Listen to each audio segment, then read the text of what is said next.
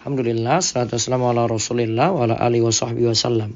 Kali ini kita berada di audio ke-16. Manfaatkan doa saat menjadi musafir selama perjalanan. Inilah amalan berikutnya lagi saat safar umroh di tanah suci. Dalam hadis disebutkan, salatu da'awatin mustajabatun la syakka fihin. Ada tiga waktu dijabai atau dikabulkan doa yang tidak diragukan lagi. Yang tidak diragukan lagi. Yaitu satu, ya, dakwatul mazlum, doa orang yang terzolimi.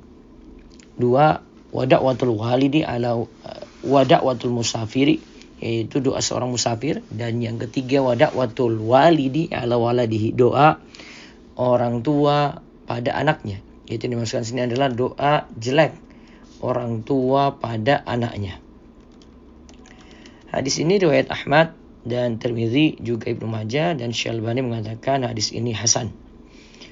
Nah, di penjelasan hadis yang lain kita bisa simpulkan di antara sebab terkabulnya doa yaitu dalam hadis Arba'in nomor 10 yaitu pertama karena dalam keadaan safar, yang kedua karena dalam keadaan sangat butuh atau genting, yang ketiga dengan cara menengadahkan tangan ke langit, yang keempat memanggil Allah dengan panggilan ya Rabbi Wahai Robku atau muji Allah dengan menyebut nama dan sifatnya misalnya dengan Yadal Jalali wal Ikram Wahai Rob yang memiliki keagungan dan kemuliaan.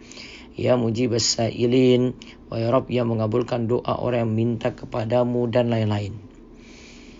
Ada penting dalam berdoa juga perlu diperhatikan. Ya, Yaitu di antaranya ini kami sebut dalam buku 50 doa mengatasi problem hidup. Nanti bisa dikaji atau dimiliki buku tersebut.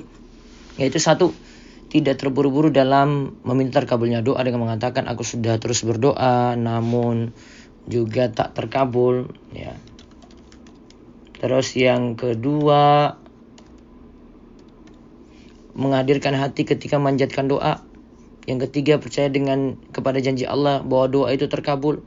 Yang keempat memilih waktu terbaik untuk berdoa. Lalu yang kelima benar-benar merasa membutuhkan Allah. Yang keenam menghadap kiblat. Yang ketujuh berdoa dalam keadaan suci ini disunahkan. Kemudian yang kedelapan mengangkat tangan saat berdoa. Kemudian yang kesembilan memuji Allah di awal doa lalu berselawat kepada Nabi Muhammad sallallahu alaihi wasallam. Kemudian ke sepuluh dahulu dengan taubat dan istighfar. Coba perhatikan doa Nabi Yunus alaihissalam yang mengakui kezalimannya terlebih dahulu. La ilaha illa anta subhanaka inni kuntu minadh zalimin. Tidak ada sembahan yang berarti sembah kecuali engkau. Maksudnya engkau sesungguhnya aku termasuk orang yang berbuat aniaya.